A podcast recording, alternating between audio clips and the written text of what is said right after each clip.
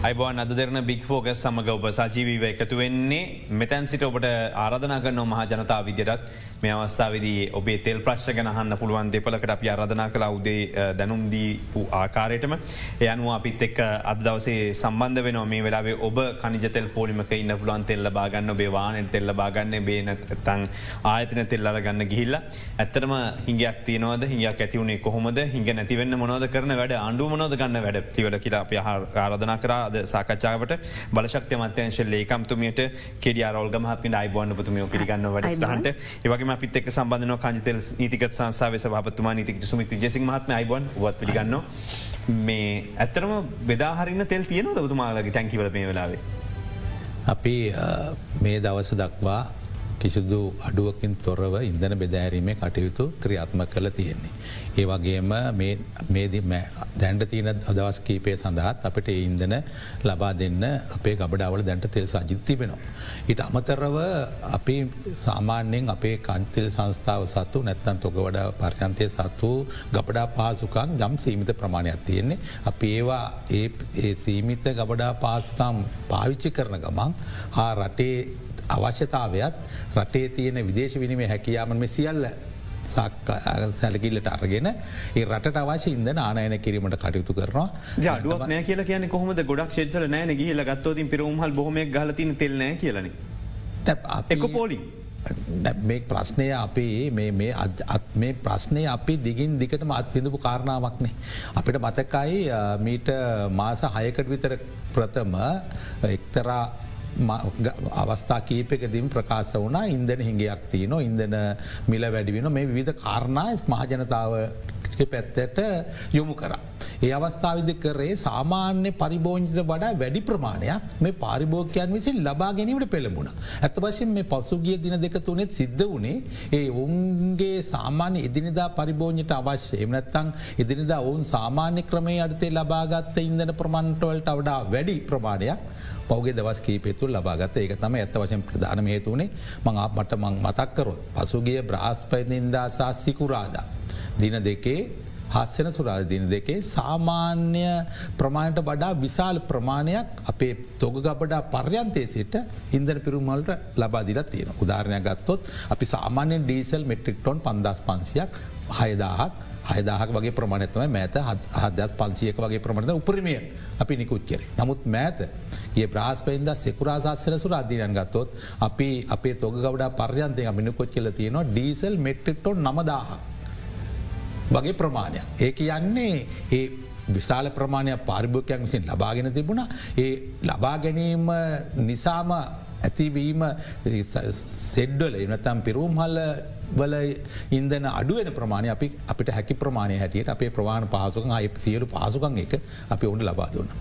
දැන් එකන අඩුවක් නැහැ කියලද කියන්න. ඉන්දන පිරුම් හල්වලට ලබාදීපු ඉන්දන පාරිභෝකයමසි ලබා ගැනීම නිසා චම්කිස්ක ප්‍රමාණයක අඩුවක් සමාර්තැන්වල තියෙන පුළුවන්. එක නිසානේ ඩීසල් නැත කියල තියෙන. දෙවැනි කාරණාව හැබැයි මේ දිනවල ඉන්දන පිරුම් හල් හිමිය නොත් ඒවාගේම පාරිභෝකිනුත් හිතනවා මිල වැඩිවීමක් අත ළඟ තියෙනව වගේ කෙලේ නිසා මේකත් එක්තරක් හරණාවක් එන්දන පිරුම් හල්වල ඉන්දන අඩුවීමට හෝ නැත්තං යම් ප්‍රමාණයකට ඉන්දන යම්කි සංජිතයක් හැම ගබඩාවකමති හැම පිරුම් හලකම තිය නොයම නැතිවෙන්නම බෑ. නමුත් එක දැන් ඔබතුමියලා මේ වෙනකොට ඒ අවශ්‍ය මුදල් ඇනවුම් ලබාදිල තිබෙනවද? සහ ඇනවුම් කරලා තිබෙනවද? තෙල්තොක පැමිණීම සඳහා. දැනට නැව් කොච්චරක් එන්න තියෙනවද? සහ කොච්චරකට ගෙවල තියෙනවද.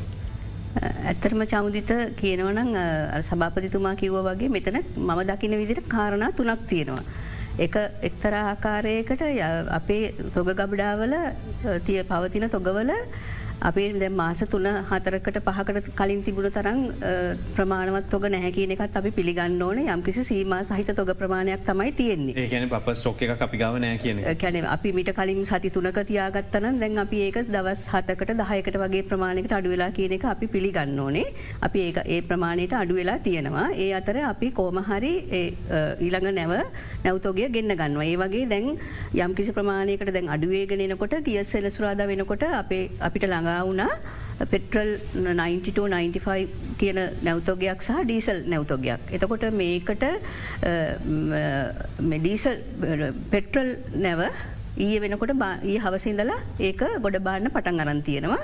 ඩීසල් නැවතෝගේ මංහිතන්නේ අද හවස වෙනකොට ඉදන්න බාණ්ඩ පටන් ගන්නවා. එතකොට මේකී තියෙන හිංගය යම්තාක් දුරකට සමනය වෙයි ඒ අතර ඉදිරියට මින් ඉදිරියට තව පෙළ ගැහිලා තියෙනවා තව නැවතොග ඇනුම් කරපු නැවතොග එන්න. එකන් දැන් හදිස්සයවක්කත් අපිට දැන් සාමාන්‍ය කියන්නේ ඕනම රටක් වුණහම අනිවාරෙන් සංචිත තියාගන්න ඕන කියනක අපි පහුගේ කාලේ අපි ඔබතුමියල මේ වැඩසටහට එන කාලෙකිව්වා අපි සත්තුනක විතර කාලෙකට තියාගත්ත කියලා.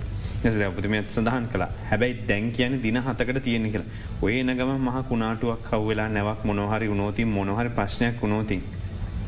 අපට දෙල් නෑ කියනකද මේක කියන්න වෙන්නේ. කියැන එම වෙන්න එපා කියලම ප්‍රාථනක නමුත් එම උන්නොත් අපිට රට යන්න බැයිද? දුවන්න බැයිද? එහෙම නොවේවා කියලතව අපි ප්‍රාථනා කරන ඇතරම දැන් තියෙන ඉස්සරහ මාස දැ මාර්තු අපි උදාහනයක් විතර ගත්තොතින් අපේ අපි දැම කොයි තරම් අමාරු කාලසීමාවක සිටිය වුනත් අපි ළඟ දැම් මේ ඉස්සරහට අපි අපි ළඟ තියෙනවා දිගු කාලීන ටෙන්ඩර් තියෙනවා. උදාහනයක් විදිර ගත්තොතින් අපේ තියෙනවා බොරතෙල් වලට අපි um, සුරක්ෂිත කරගත්ත මාස් පතා එක බොරතෙල් නැවතෝගේ වැගින්ගෙන um, අගොස්තු මාසය දක්වා බොරතෙල් නැවතෝගේ බගින්ගෙන දිගු කාලින කොන්ත්‍රාත්තුවක් තියනවා. ඒ වගේම දින අනුවේ නයවර ලිපි පදනම මත තියෙන uh, පෙට්‍රල් නැවතෝගයක් තියනවා. ඒ වගේ යම්කිසි ආකාරයක එහෙම දිගු කාලින පදනමින් කොන්ත්‍රාත් පදනමින් සුරක්ෂිත කරගත නැවතෝග වගේම uh, uh, තවත් නැවතෝග තියෙනවා. ඊට අමතරව අපිට අප්‍රේල් මාසිල් අපි බලාපොරොත්තු වෙනවා මාර්තු අග ඉඳලා අපේ ඉන්දයානු නයෝජනා ක්‍රමය යටතේ මිලියන පන්සීයක මිලියන රුපියල් ඩොල මිලියන පන්සීයක ඉන්දයානු නයෝජනා ක්‍රමය යටතේ අපිට පුළුවන් වෙයි අප්‍රේල් අප්‍රේල් සහ මැයි මාස දෙකේ අපිට අවශ්‍ය පෙට්‍රල් ඩීසල් ප්‍රමාණය සම්පූර්ණ කරගන්න. සාමාන්‍යෙන් පිලියන හතරක් විතරනේ වියදම විදිහට යන්න අපිටනේ? වාර්ෂික. වාර්ෂික වියදම? වාර්ෂික වියදම මේ දැන් අද තියෙන අද තියෙන මිල ගණන් එක් බැලූහම මාසයකට අපිට අවශ්‍ය වෙන මිලියන ඩොල මිලියන හාරසීයක් විතර. එතොට මේ මිල ගන්න මේ ආකාරයටම මේ වාර්ෂය පැවතුන්නොත් හාරදස් ඩොල බිලියන හතරයි දසම අටක් පිතර වගේ ප්‍රමාණයක් අවශ්‍යන මේ අවුරුද මේ ඉන්දයානු නයසහනයක් එක්ක කැනෙ මාසකට ගන්න ඕන ප්‍රමාණය අපිට ලැබයි කියන බලාපොරොත්තුව තියෙන්නේ. මාසයකට කියන්නේ දැන් ඉන්දයානු අයෝජන ක්‍රමය යටතේ සියලුම වර්ගවල ඉන්දන වර්ග හම්බ වෙන්න හැ එකින් අපිට ගණඩ පුළුවන් ඩීසල් සහ පෙට්‍රල් කියනක විතරයි. එතකොට ඩීසල් සහ පෙට්‍රල් අවශ්‍යතාවය ගත්තහම මාස දෙක වගේ. ඔය හරසී ඇතුළ තියනොන බොරතෙල් ගුවන්්‍යානා ඉන්දන තෙල් ඒවගේම දැවිතෙල් වගේ හැම දෙයක්ම තියෙනවන ඒ හැම දෙයක් එක් තම අපි මිලියන ඩොල මිලියන හාරසිය කියන්නේ තකොට පෙටල් සාඩීසල් ගත්තොතින් ඩොල මිලියන දෙසිය තිහක් දෙසිය පනක් වගේ තකොට ඒකෙන් අපිට මාස දෙක ඩීසල් සහ පෙට්ටල් අවශ්‍යතාවය සම්පූර්ණ කරගන්න පුළුවන්ගෙන. දැ අද පාර්ලිමේන්තුවත් කතා බහට ලක්වුණා ගෙනාපු නැව්ටික අපිට ගොඩබාගන්න සල්ලි නෑ කියලා. මුදල් නිකුත් කළ නෑ කියලා. ඒ විදර හිරවෙච්ච නැව් කියක් තියෙනවාද. එකයි තියෙන්නේ එකයි එකයි තිබ කියලා කිව්වේ. ඒ සඳහන් කළේ නැවතුනක් හිරවෙලා තිබෙනවා කියලා? ඊහ මාධ්‍ය වර්තා කලා වංහිතන්නේ නැවතුනක් කරලා තියෙන සහ පාර්ලිමේන්තුවේදී අද උදෑසනත් ජෙෂ් දේශපාලක්නයෙක් සඳහන් කර හිටපු කාරණය. කැනෙ අපි පරණ මිලටම තමයි මේ තෙල් ගෙනල්ලති නානය කල්ලති වෙන්නේ හැබැයි දැන් ඔබතුමල්ල හදිස හිට ඉඳලා මේ වැඩිකිරීමක් කරොත් ජනතාවට වැඩිමිලට නෙමේ මේ පරණ ගාන්ට ඔඩ කරලා හැබැයි වැඩිගානක ඔබතුමල්ල ගන්න කියන ඇත්තද. නෑ පරණ ගානට කියන එක පරණ ගානට කියන එක අද අද මිලනෙමේ ඒ අද මිලනෙමේ කියන අපි පිළිගන්නවා. අපේ ටෙන්ඩර් කොන්දේසිවල තියෙනවා මේ මිල තීරණය වෙන්නේ කොහොමද කියන එක. අපේ ටෙන්ඩර් ලියවිල්ල වෙල තියෙනවා ටෙන්ඩර් ලියවිල්ල වෙල හැටියට මිල තීරණය වෙන්නේ අපි අපේ ශිපින් ඩොකමට ල තින ප්‍රධානම ඩොකමට එකක් තම නවබාර පත්‍ර බිල්ලක් ලේඩින් කියනක. එතකොට මේ නවබාර පත්‍රය නිකුත් කරන දවස පදනම් කරන තම නවබාර පත්‍රය දින නවබාර පත්‍රය දිනේ ඩේ සීරෝ කියනක දින බින්දුවයි කියන කරගෙන ඒ අතර තියෙන දවස් පහක තියෙන මිල ගණන්වල මධ්‍යනය අරගෙන තමයි මේ මිල ගණන් තීරණය කරන්න. එතකොට ඒ අනුව නවබාර පත්‍රයනිකුත් කරපු දවස සමහරකට මීට සති දෙකට වගේ කලින් දිනයක් වෙන්න පුළුවන් එතකට ඒදින තිබිච්ච දින තමයි කොට ලොක වෙනසක් නැහැ. එතකොට අද ගත්තොතින් අද ඩීසල් වල මිල ලෝක වෙළඳ පොලේ බැරල එක මිල ඩොල එකසිය දහයක් නම් එදා ඒක එකසේ නමයක් එකසි අටයි දසම නමයක් ඒවගේ පරතරක තියන්ට පුලන් එක ලොක වෙනසක් වෙන්න විදිහක් නෑ මේ දවස්සල තින ලොක වෙලද පල මිලගන එක් නැතුව ඩොලර් පහක දහයක වෙනසක් තියෙන විදිහක් නෑ. දැන් මේ වෙලාබේ සඳහන්ක ම විශේෂ ඔබතුමාගේ මේ ප්‍රශ්යමු කරන් දැන් තෙල්නැව් දෙකක් ඩොලව නැතිව දවස් තුනක් තිස්සේ වරාය කියලා. අද ලංකදිප පුවත්පත වාර්තා කරන්නේ පාලිත රංග බණ්ඩාර මහත්ම එක්සත් ජාතික පක්ෂේ ප්‍රකාශයක් විදිහට. එතකොට දැන් මේ ගෙවිච්ච කාලය තුළ ඔය පළමු අවස්ථාව නෙමේ නැව් හරවායවීම් කොට සබ්බාල ගිලන් කොටසට යවීම මේ වගේ කොච්චර පාඩුවක් සිද්ධ වෙලා තිබෙනවද රජය විසින් මේ වගේ සල්ලි හරි වෙලාට එමනත පුතුමල විස සල්ලි හරිර ගෙවන්න නැතුව කොච්චර පමාවක් ප්‍රමාදගස්සු ගෙවල තිබෙනවද. අපි මුලින්ම ඔබතුමා චතුර ඇහුව දැම් පොඩ්ඩට කලින් පාලිමේන්තුවේ මන්ත්‍රීවරයේ ප්‍රකාශ කරා කියලා නැව් ගන්නාවක් කිරලාතිය. අපි මෙතෙන්දේ ආයෙක් පරණ මිල ගණන් වලට දන පික්මනිික ලබා අපි අවසාන උත්තර ගන්නවන මේ ඉක්මනින් අපික ලබාගන්න ඕන කියන කාරණාවතමයි අපිට වැදගත්. මේ වෙලා විද්දී විපක්ෂය හෝ ආණ්ඩුවද කියන කාරණාව නෙමේ. මන්දක පවගේ දවස්වල කාරණා ගන්නක් අප අපිස්රයි කනමු හැබැයි මේ වෙලා විදි අපි ඇත්ත වශයම නැව් කීපයක්ම ඇවිත් මේ සතිය තුළ. මේ සතිය තුළ අපිට නැව් පහක් අපිට රට තුළට ඉන්දනාපු ඉන්නව පහක බඩු අපි ගොඩ බාගැනීමට තියෙනවා.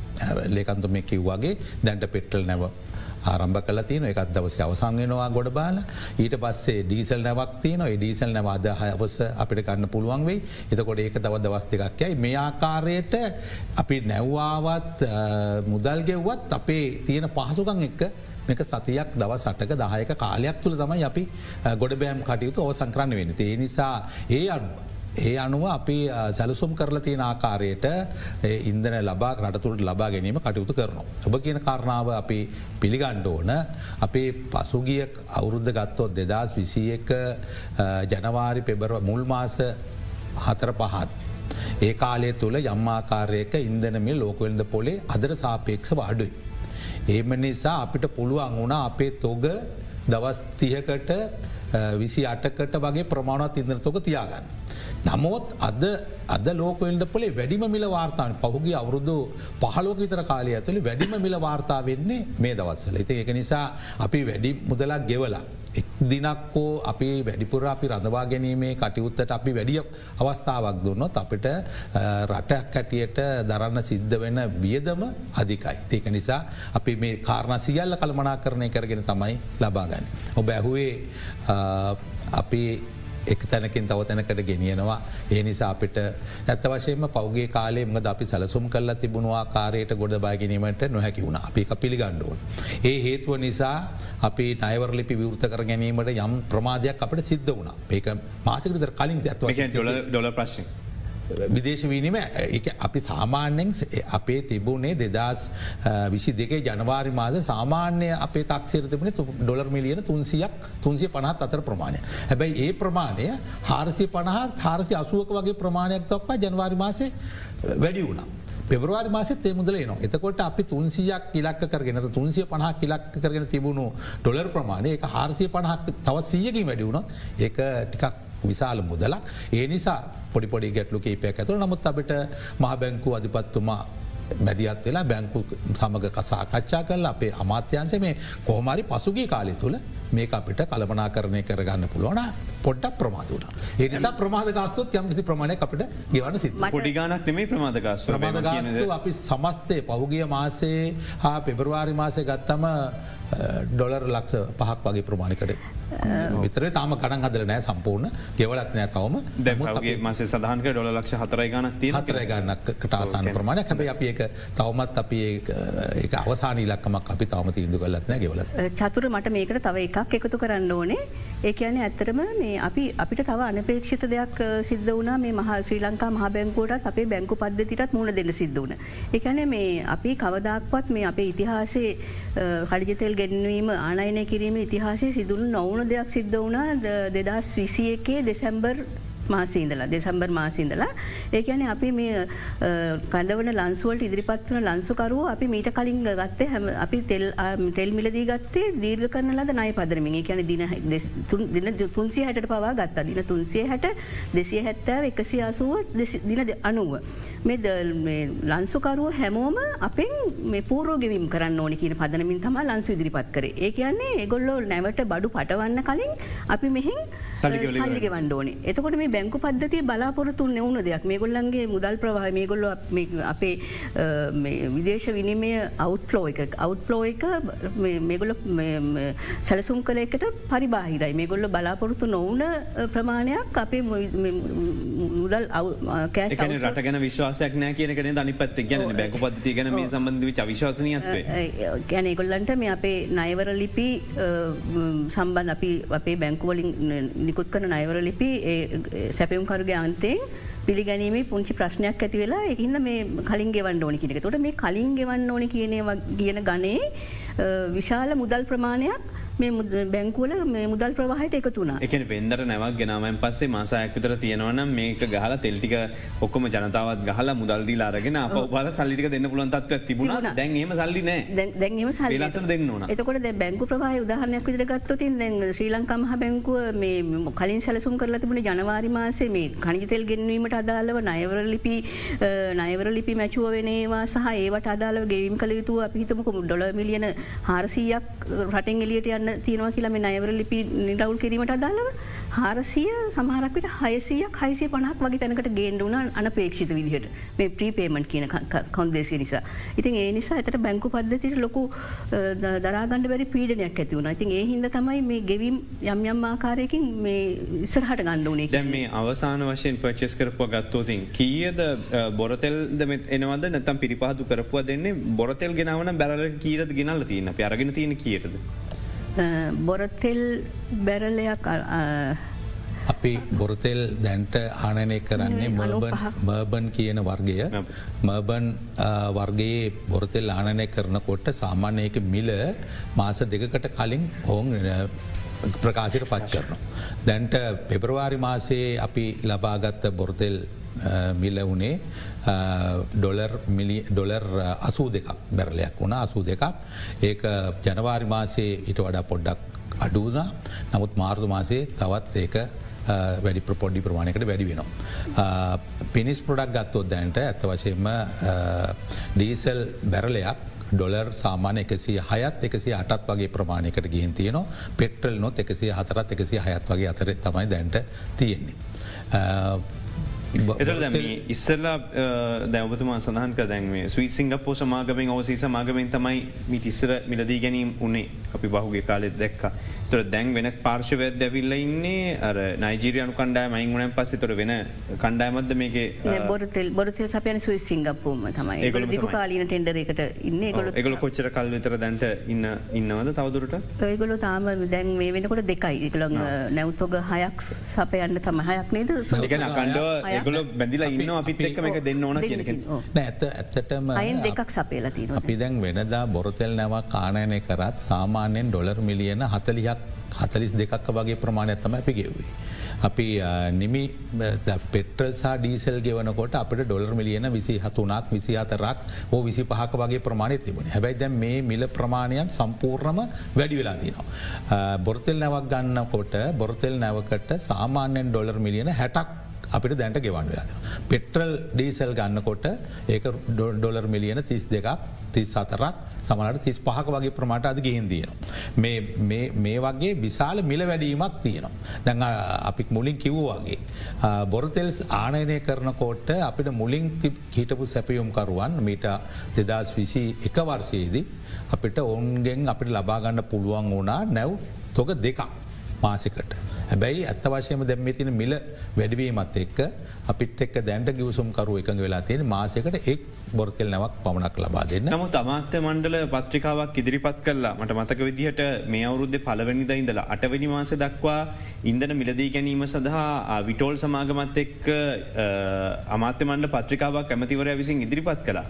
එතොට මේ දැන් මේ කියන අය ඉන්දන මිලදී ගැනීමේදී ඒගේ ගිවිසුම් ගත වීමත් එක් ඒ පූර ඉල්ලීමක් කරනවද? ඔය විදිර මුදල් වේලාසන ගවන්න ඕන කියනක සැපම් කරු විදිර නැත ඒ පෙර ගිවිසුම් ගත වෙන පිරිසහින්ද ය ඉන්නවද හිම නෑ අපි සාමානයෙන් දිගු කාලීන කොන්ත්‍රාත්වලට කිසිමාකාරයකින් පූර්වගවීමල් වලට එකඟ වෙලා කරන්නේ. එතකොට දැන් මේ වෙලා වෙදැන් තියෙන තත්වත් එක ගත්තම අපිට දැන් එලියෙන් කතා කරලා හනදේ තමයි තෙල් බෙදාහැරීමේදී පෙරවුම්හල්වලට බෙදාහැරීමේදී යම්කිසි ආකාරක සීමකිරීමත් තියනෝ කියලා එම සීමකිරීමත් තියන දෙය ඉල්ලුවත් ලැබෙනවද නැත්තන් දෙන්නේ නැද්ද. අපේ මේ දැනට වර්තමාන තත්වය පොඩි වෙනසක් තියෙන. අපි අපි මුලින් වෙනද සාමාන්‍යෙන් තිබුණේ ඒ ඉන්දන පිරුම්හල්ට අවශ්‍ය ඉන්දන තොග ඉල්ලුව ඇල්ලුවාට පස්සේ අපි ඉල්ලුම් කරලද සම්පූර්ණ ප්‍රමාණය ලබා දුන්න. නමුත් මම අප ඔට කියන්න ඕන පසුගේ දින කීපේ තුළ ඔවුන් අවශ්‍ය ප්‍රමාණ්ඩත් වඩා වැඩි ප්‍රමාණයක් ඉල්ලුම් කරලා තිබුණ. එක නිසා තම අපිට ඩීසල් වගේ මෙට්‍රිටොන් හයදාහක් දවස්ක නිකුත් කරන එක නමදාහක් දක් වැඩි කරනුද නමුත් අපි ඒක කළමනා කරණයක් කරලා තියෙනවා. ඉල්ලන ඉන්දන තොක සම්පූර්ණම ඒ ප්‍රමාණය අප මෑත ලබාද නැහැ.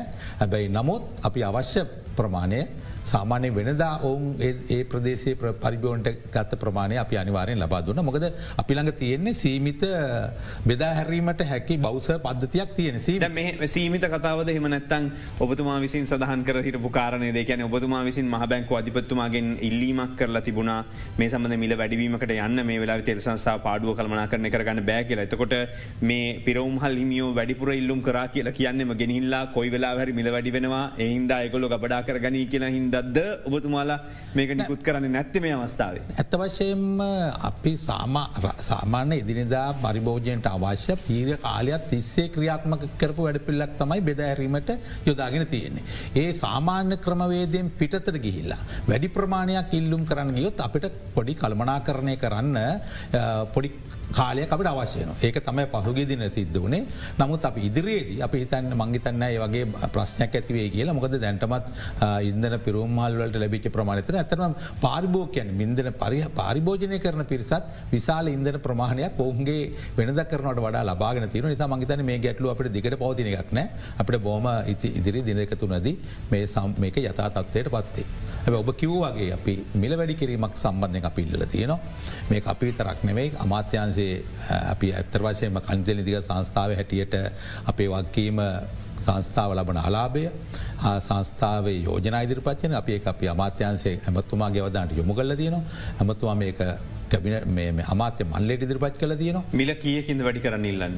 අපේ මිල ඉල්ලීම සම්බන්ධයෙන් යෝජනා කීපයක් අපි කියල තියනවා මූලිකවම අපි කියන්න තියෙන්නේ අපි ඩීසල් ලීටරයකින් රුපියල් පනස් දෙකක් අද අලාබ ලබනු. පෙට්‍ර ලීටරකින් රුපියල් දානමයක් අපි අලාබ ලබන. එක තමයි තියෙන. ඒක නිසා අපි කියන්නේ කර්මාන්ත සහ විධ කටයු සඳහා ඩීසල් පරිභෝජනය වැඩි නිසා ඩීසල් අවශ්‍යතාව වැඩි නිසා ඩීසල් වලින් ඒ මුදලම වැඩි කරනවද?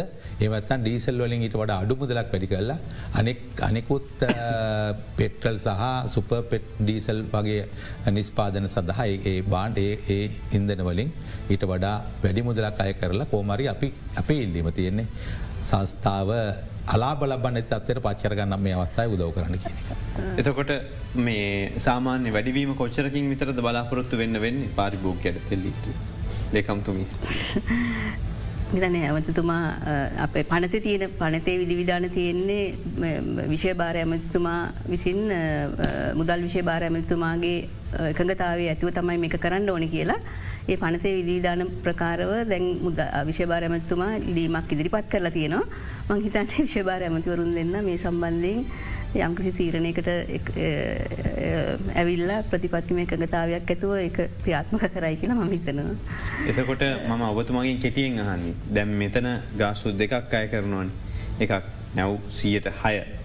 නැව සඳහා නැව ගාස්සු විදිහට එන අපිත් එක ඉට පස ටක්ක විදිහට අපහු පාරක් එකතු වෙනවා තව හයක් හතයි දසම් පහක් එකතු වෙන දෙක. එතකොට මේකෙන් අමාත්‍යවරය සඳහන් කරනවා බදු ටික අයින් කරන්න කියලා. අයිංකල ජනතාවට සහන දෙන්න කියලා.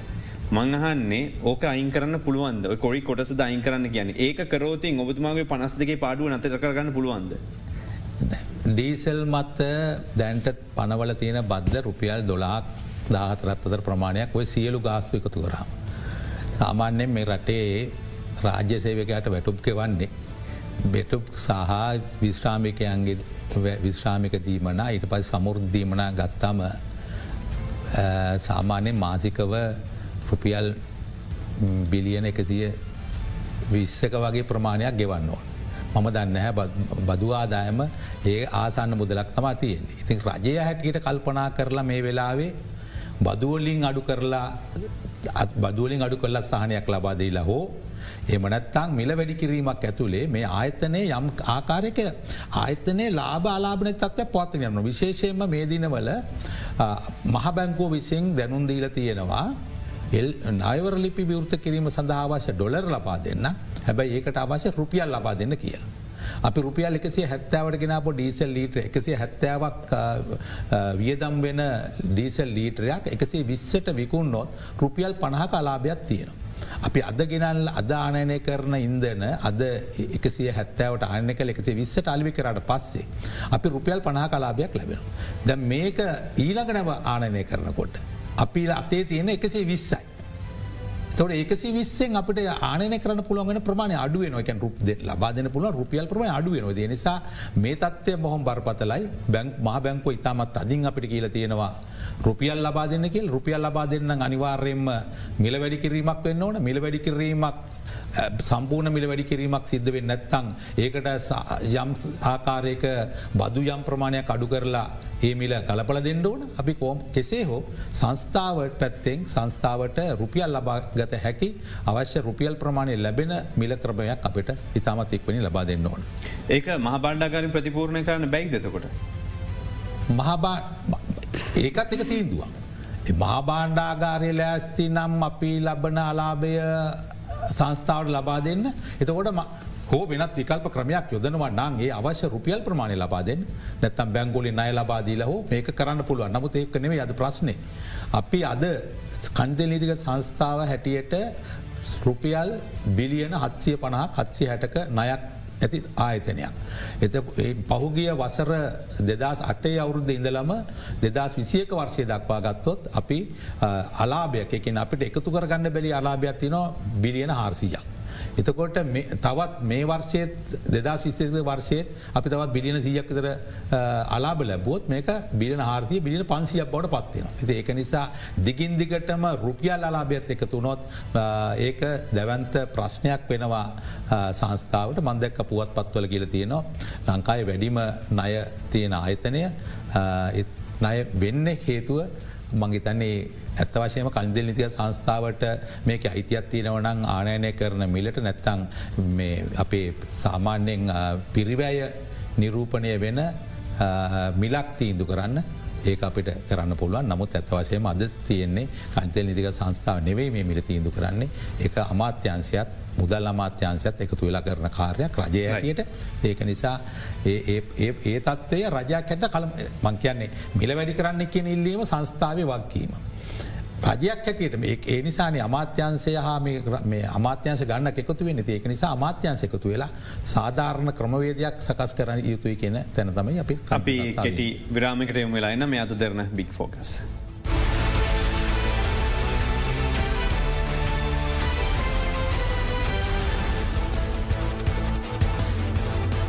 මේ වෙනස නම් ඔබට වැදගත්. සාමාන්‍ය වැසකලි පවිත්‍රකාරක ස්වභාවිකව වියෝජනය නොවේ. පිරිසිදු කිරීමෙන් පසුව වල තුළ එක්රැස්වෙයි. හිතකර ශුද්‍රජීවි ක්‍රියාකාරිත්වයද මර්ධනය වේ. ස්වභාවිකව දිරාපත්වීමේ ක්‍රියාවලිය අවහිරවී වැසිකිලි වල උතුරායෑමට හේතුවේ.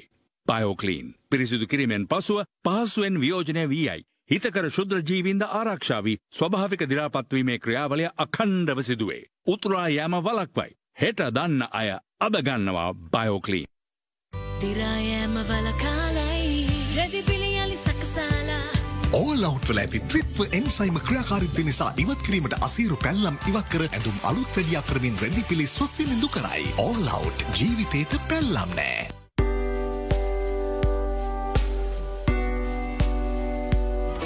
ඩීපෝල් දැන් අලුත් වෙලා ඩාලිබට්ල වෙතෙන් දිස්න දෙන්න සූදන්න. සුදුවන් සුදුයායයි හරි පිරිසිදු පාටයි ඕලවට් සේදීමිති ඉවත් වූ කුණු රෙදිමත යළි තැන්පත්වීම මගහරවා පිරිසිදු සුසිනිදු බවක් ගෙන දෙමින් රෙදි පිළි සුවඳවත් කරයි. ඕලවට් ජීවිතයට පැල්ලම් නෑ. සේදූ සුදු ඇඳුම්වලට සුදූ සුදු දීප්තිය සහ පාට ඇඳුම්වලට වර්ණවත් දීප්තිය දෙන ප්‍රෝවයි තාක්ෂණයෙන් බබල් වෂන් පවුඩ. දැන් ඔක්කෝම එලිටයිම් එස්තරට මොබිටෙල් මොබයිල් පෙළගෙවුම් පරිභෝගිකයින්ට රෑ දවල් වෙනසක් නැතිව කැමති වෙලාවක කැමති විදිහට ඩේට පාවිච්චි කරන්න පුළුවන් අදම රීලෝඩ් කරොත් අතම ඇක්ටිවේට් වේ එස්ට මොබිටෙල් එකම එක සබැඳියාව.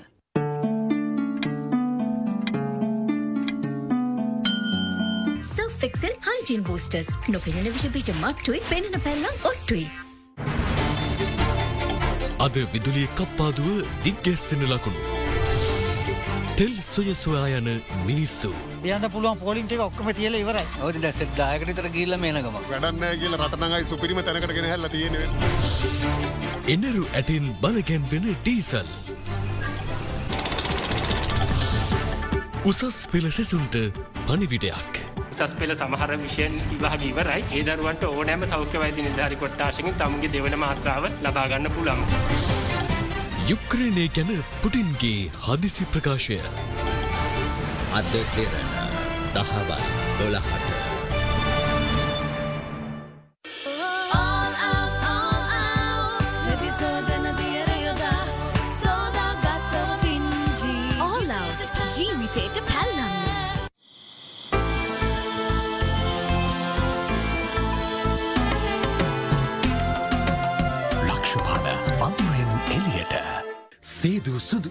ඇඳුම්වලට සුදූ සුදු දීප්තිය සහ පාට ඇඳුම්වලට වර්ණවත් දීප්තිය දෙන ප්‍රෝවයි තාක්ෂණයෙන් බබල් වෂන් පවුඩ.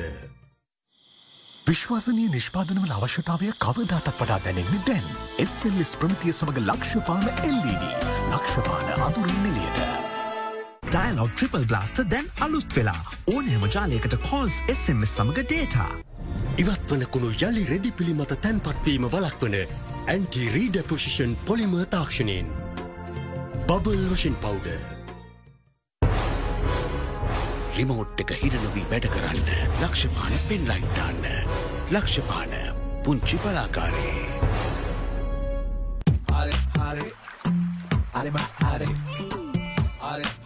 හච්චෙක්ක හතාරි ඕනෑම ජාලයකට මිනිත්තු දාහක් හච්ටු හච් බෝනස් මිනිත්තු පන්සීයක් හරි network Hutch network.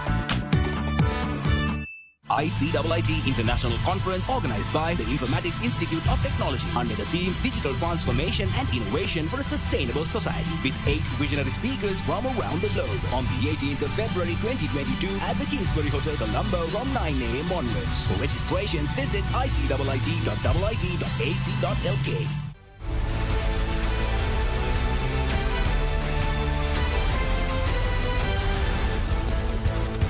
අපි යළි බික් ෆෝග සමඟ එකතුවෙන්න මේ අවසාාවද අපි කංජතල් නීතිගත් සංසාව භාපත්තුමා එක් ඒ වගේම තමයි පරශක්ත මත්‍යංශලයකම්තුමියත් එක් ස්ථාකච්ඡා කරමින් ඉන්න අපි විරාමට ගිය සංස්ථාව ලොකු පාඩුවක් ලබනව මේ වෙලාව අනිවාරෙන්ම එක කල්මනා කරනය කරගන්න පුළුවන් විදිකට කටයුතු කන්න ඕන කියලා.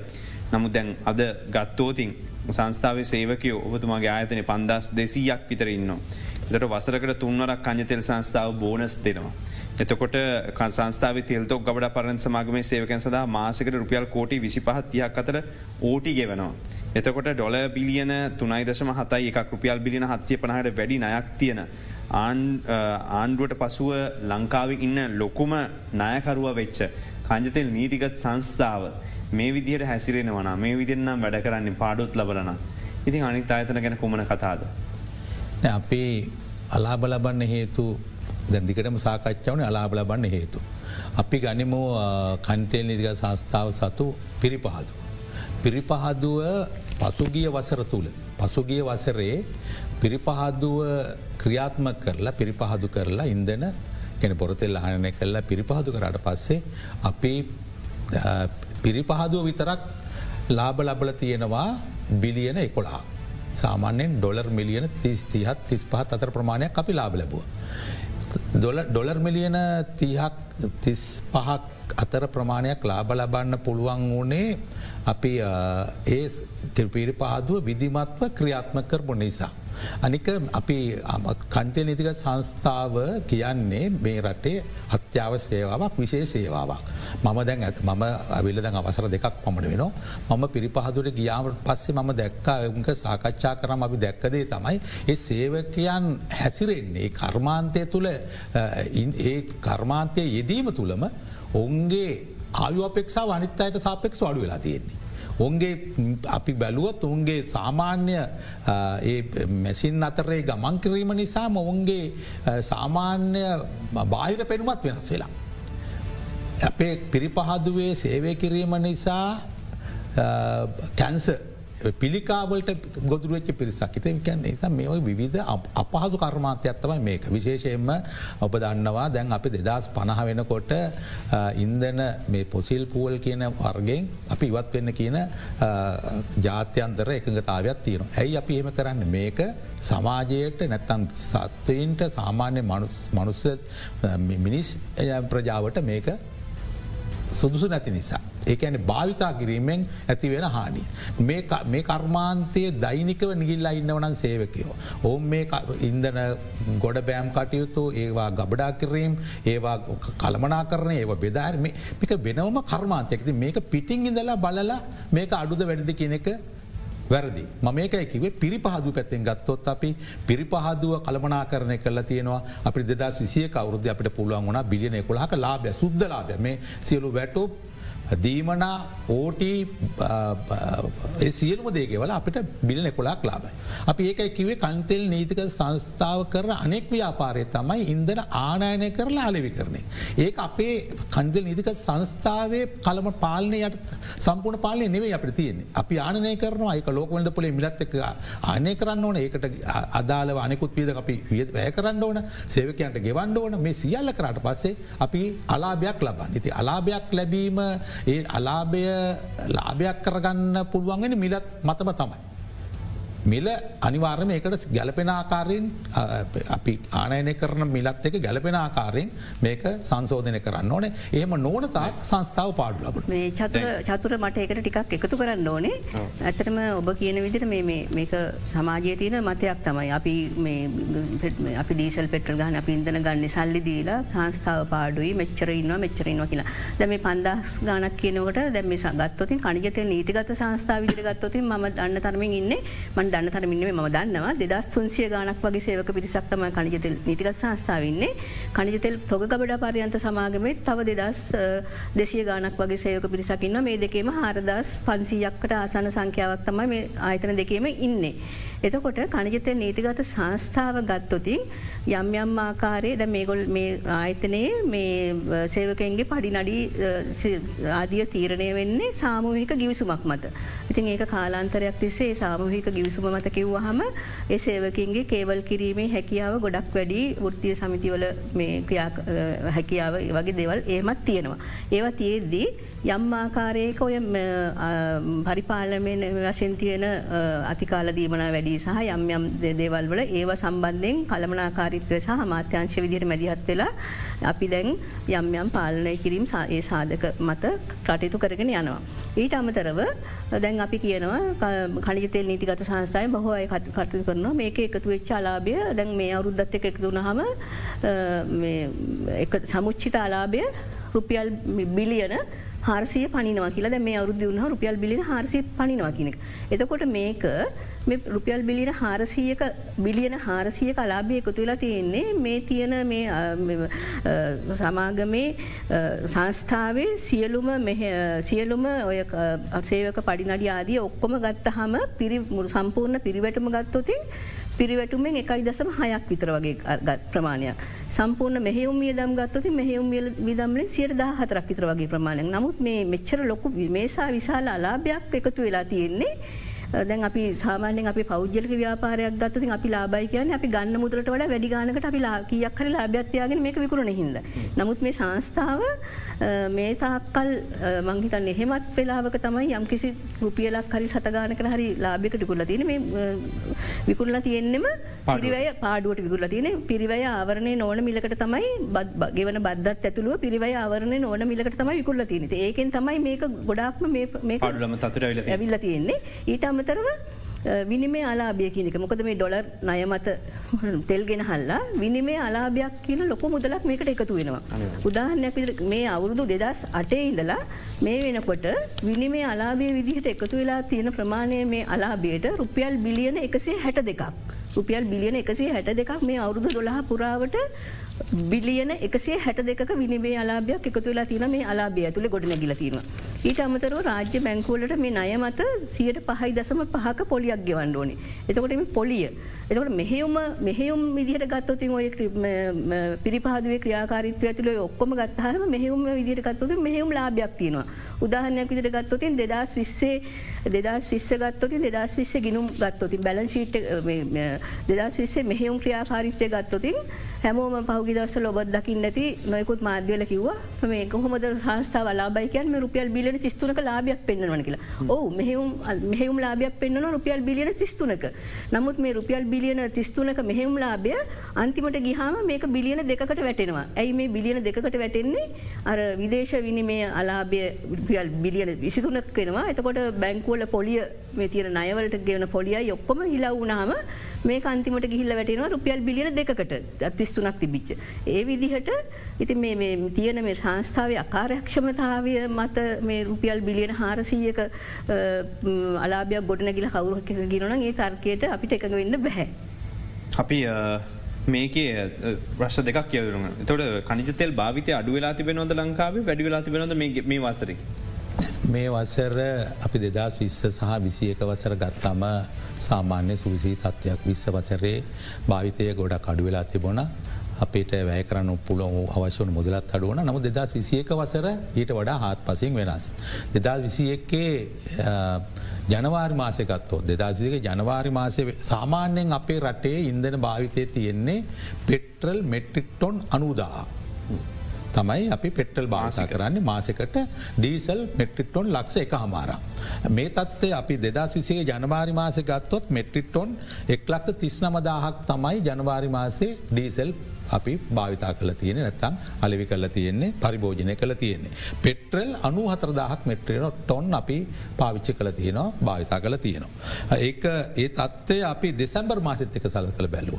දෙසැම්බර් මාසය වෙනකොට එක් ලක්ෂ හැත්ත හයදාහක් දක්වා ඩීසල් මෙට්‍රිටෝන් එක්ලක්ෂ හැත්ත හයදක් ඒ කියන්නේ විසි අටදාහක් තිස්දාගතර වැඩවීමක් පෙන්නවා. හැබැයික දෙදස් විසි දෙකේ ජනවාරි මාසය ගන්නකොට අදේ එක්ලක් අනුවට දාහක් දක්වා වැඩි වෙලා ඒකැන සාමාන්‍යෙන් හතලි සටදාහක පනස් දාහක් විතර ඩීසල් වැඩි ප්‍රමාණයක් භාවිතා කරලා තියෙනවා. අපි පෙටල් ප්‍රමාණයගත්තොත් ඒකත් එක් අනූදාහින්දලා එක් ලක්ෂ විසිදාහ දක්වා වැලගෙන තිස්දා පෙටික්ටොන් තිස්දාහ පෙටල් භාවිතා වැඩිලා තියනවා ලක්ෂගේ ජනවාර අපි කෙටි විරාමිකට යොමලයින්න මලිත් මේ අදරන බික් ෆෝකස්.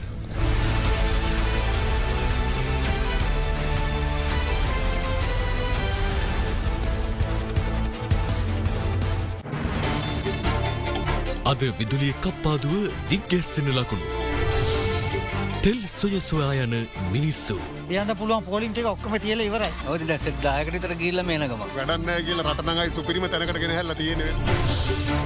එනරු ඇටින් බලගැන්වෙන ඩීසල්. උසස් පෙළ සැසුන්ට පනිවිඩයක්. උසස් පෙළ සමහර විෂයන් විවාහග ඉවරයි ඒ දරුවන්ට ඕනෑම සෞඛ්‍ය වෛද්‍ය නිධාරි කොට්ටාශකින් තමුගේ දෙවන මාත්‍රාව ලබාගන්න පුළම්.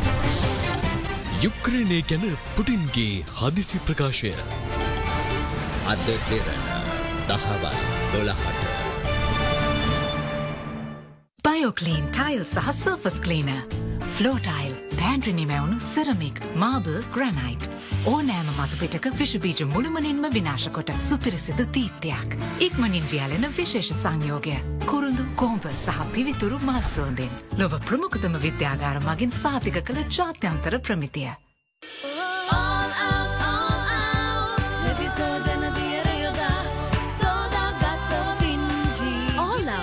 ජීවිතයට පැල්ලන්න.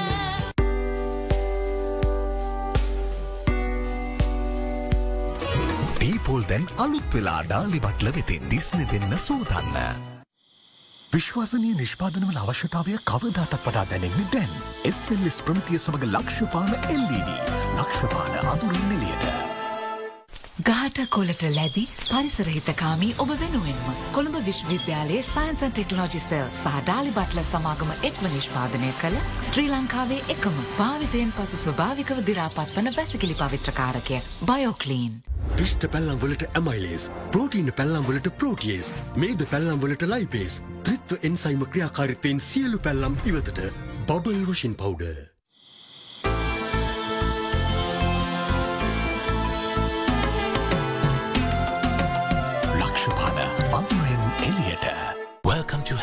City, home to 18 acres of space at the heart of Colombo. Contact 0772 505 100.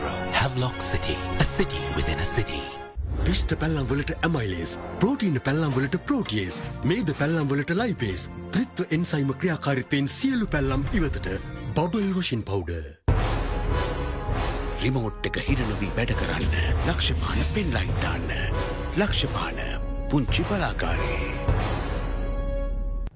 ඉවත් වනකුණු යළි රෙදිපිළි මත තැන්පත්වීම වලක්වන ඇන්ටි රීඩ පොසිෂන් පොලිම තාක්ෂණයෙන්.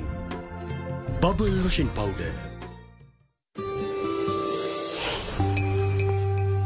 තේරුණේ හොඳම කැම්පසකට දුව හැමදාම මහන්සි වෙන්නේ ඩොක්ට කෙනෙක් වෙන්නනේ.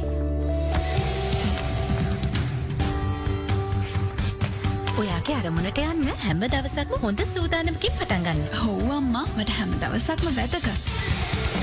වන් මුල්කුණේ කිරිසාරය සහ පෝෂක පිරි නෙස්ලේ නෙස්ටමෝල් සමදා ඔබ බලගන්වන්න සීයට සියක් සූදානම්. Nestamol from Nestle. වේගය අස්සම සමාධ දැකීම. සම්බධතාවය මගේ ජයග්‍රහණය රහසයි. ස්පීටෙස්පයි උක්ලා පරීක්ෂණයට අනුව ශ්‍රී ලංකාවේ අංක එකේ වේගමත්ම ජංගමුතුරකතර ජාලි ලෙස එල්ටී මොබිටෙල් වසර තුනක් පුරාවට නොකඩවා සම්මානයෙන් පිදුම් ලද වගයි. ඔබත් අදම වේගවත්ම ජාලය සමඟ සම්බන්ධ වන්න. එල්ටී මොබිටෙල් එක මේක සබැදියාව.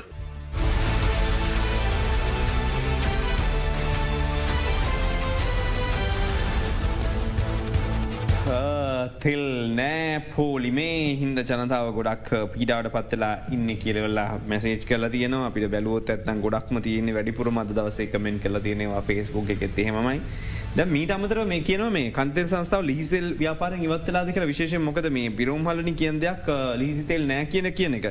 ති මේක මේ අර්බුදේ තවත් පැතිකඩක්ද මේ ලොබ්‍රිකන්ටෝයි. කන්තෙල් නීතික සංස්ථාව ලීතෙල් ව්‍යාපාරයෙන් ලංක අද වෙනකොට සාමාන්‍යයෙන් සියට හයක ප්‍රමාණයක් තමා අපි දැන්ට බිල්ද පොල්ල අපිට හිමිලා තියෙන්නේ. බැ පෞද්ජලිකාන්සේ සයට අනු හතරක්ම පෞද්ජලිකාන්සය තමා ලීතෙල් ව්‍යාපාරයන්නේ. කන්දලික සංස්ථාව මුලින්ම ලීතෙල් ව්‍යාපාර හිටියත් අපි සතු එක ලාබ දායි ව්‍යාපාරයක් ඒක දෙදස් තුන පසරයෙන් අපිට. ඒ වර්ෂවල එක පෞද්ජලි කරණය කිරීමත් එක්ක. අපි ඊට පස්සේ වර්තමාන පාලන අධිකාරියාවට පස්සේ තමා නැවතත් සමාගමත් සමඟ හයිරක්ස්කට සමාගම ලීස්තෙල් නිස්පාදන ව්‍යාපාර පටන් අරන් තිබුණ. අපි ඔවුන් එක් ගිවසුම් ගත වුණ. හැබැ මේ දිනවල ඇත්ත වශයම යම්කිසි සපයිම් සැපවුමේ ප්‍රමාණයක් අඩුවලා තියර යම්කිසි ප්‍රමාණයක්. ඒ නිසා කන්තෙල් නිතික සංස්ථාව ලබා දෙන ප්‍රමාණයක් යම්කිසි ප්‍රමාණක ට වෙලා ම පශ කීපකට ඉක්මට වෙන්න බලාපොරොත්තිනවා. එතකොට දැන් විදුලි බල මණ්ඩලේ බලාගර හයක් නැවතිලා තියෙනවා. තෙල් දෙනවද නැද අද ගොඩ බෑවොත් ඔය නැවෙන් තෙල්ටි කාවෝතින් ඒක දෙන්න පුළුවන් දෙවුණු අපි මේ විදුරිකප්පාදුව සම්බන්ධ ඔබතුමාලගින් හල වැඩක් නෑ නමුත් තෙල් දෙනවදකින් ප්‍රශ්හන්න පුළුවන්. අපි කන්තෙල් නිදික සංස්ථාවත් මේක කන්තෙල්නික සංස්ථාවත් හෝ නැත අමාත්‍යන්සේ තනියම තීන්දු කරන කාරණාවක් නෙවෙයි. අපි දිගින් දිගටම විදුල් බල මල්ලයත් එක සාකච්ඡා කරේ ඔවුන් විසින් අපිට ගෙවී යුතු මුදල් අපිට ගෙවන්න කෙන ඉල්ලීම කර. ඊට පස්සේ අපි එකද වාල්ලා සාකච්ඡා කර. විදුලි බල මල්ලේ එකඟ වුණා. ඔවුන් විසින් ලබාගන්න දෛනිකව ලබා ගන්නා ඉන්දන සඳහා අවශ්‍ය මුදල් ලබා දෙනවා කියලා. නමුත් පසුගිදනවල එක ලැබුන්න කෙසේ වෙතත් නැවතත් ඔවුන්ගේ ඉල්ලීම් සලකා බලලා ඉදිරි දිනවල ඒ මුදල් ගෙවීමට එකගවීම පදනම් මත අපි ඉන්ද ලබාදීමට කටයුතු කල තියෙනවා. අපි ඉදිරියේ ලැබෙන ඉන්දන නැව්වලින් ඒ ඉන්දන ප්‍රමාණයන් අපට එකගත්තාව කදාගන්න පුළුව යම්ගති ප්‍රමාණයක් ලබා දෙන්න. හැබයි අපේ එකගතාවේ ඉදිරි සාකච්ඡවලදී ඇති කරගන්න පුළුවන්. පසුගිය පෙවරරි පලවෙනිද කැබින පත්‍රිකාවක් ඉදිරිපත් කර වුණ ටෙරා නැවිස් කියන සයිප්‍රස් සමාගමෙන්. දින එකසි අස්සෝක ණය කාලයක් එක්ක තෙල් ලබා ගන්න සූදානම් කියන එක සහන කාලයක් එක්ක. ඒක ක්‍රියාත්මකද? ඒ තෙල් එනවද? එහ මුණෝතින් අපිට මේ ගැස්ලුවෙන් විසඳ ගන්න පුළුවන්ද? ඇයි මේක පාට සයිප්‍රස් සමාගමක් එක් කියන්නේ. කියන ඇතර මේක අපිට මේක නොකැඳ යෝජනාවක් විදිට අපිට ලැබුණ. අපි අමාත්‍ය මණ්ඩලේ මේ දවස්සල අපි මේ මුණලත් මුණ පහලා තියෙන විශේෂයෙන්ම අපේ මේ පිරිපහදුව ක්‍රියාත්මක තත්වයෙන් පවත්වාගෙනයන්න මොකද පිරිපහදුවට අපි පූර්ණ ධාරිතාවෙන් ක්‍රියාත්මක කරන්න නම් අපිට නැවතොග දෙකක් මෙට්‍රික්ටොන් අනුදාහි නැවතොග දෙකක් තියෙන්න්න ඕනේ. නමුත් නැවතොග එකයි අපිට එන්නේ. ඉතින් අපිට මේ වැඩිව ප්‍රමාණයක් මේ දැවිතෙල් නිෂ්පාදනය සහ ගුවන්්‍යානාතෙල් භූමිතෙල් වගේ දේවල් නිෂ්පාදනය කරගන්න පුළුවන් අපේ රට ඇතුළෙම මේ පිරිපහදුව පූර්ණ ධාරිතාවන් ක්‍රියාත්මක වුණොතින් එනිසා අපි මේ යෝජනාව සලකා බැලවා. එතකොට මාත්‍ය මණ්ඩලේ අනුමැතිව ඇතිව ඒක ඉස්රහට කරගෙනයන් අනුමැතිය ගත්තා දැන් ඒක අපි අදාළ බොරතෙල් වර්ගේ පිරිවිතර වගේ දේවල් පරීක්ෂා කරල බලලා ඒ අයගේ ටෙන්ඩර් කොන්දේසි වගේ දේවල් ඔක්කොම දැන් අපේ තාක්ෂණික කමිටුව පරීක්ෂා කරගෙන යනවා.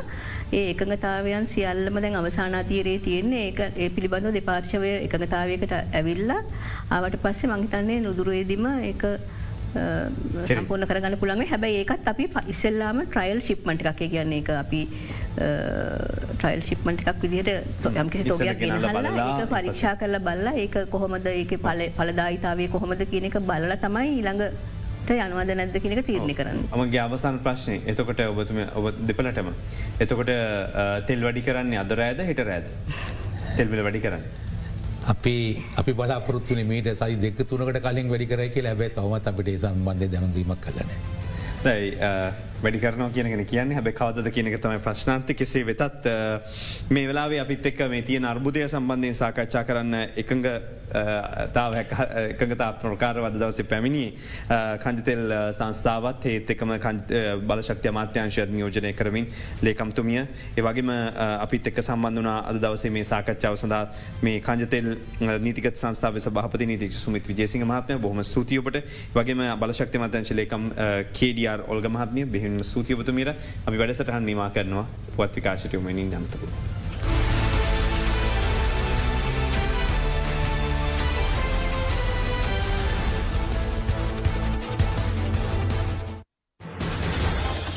watching Sri Lanka's number one news channel. This is Other Therana 24.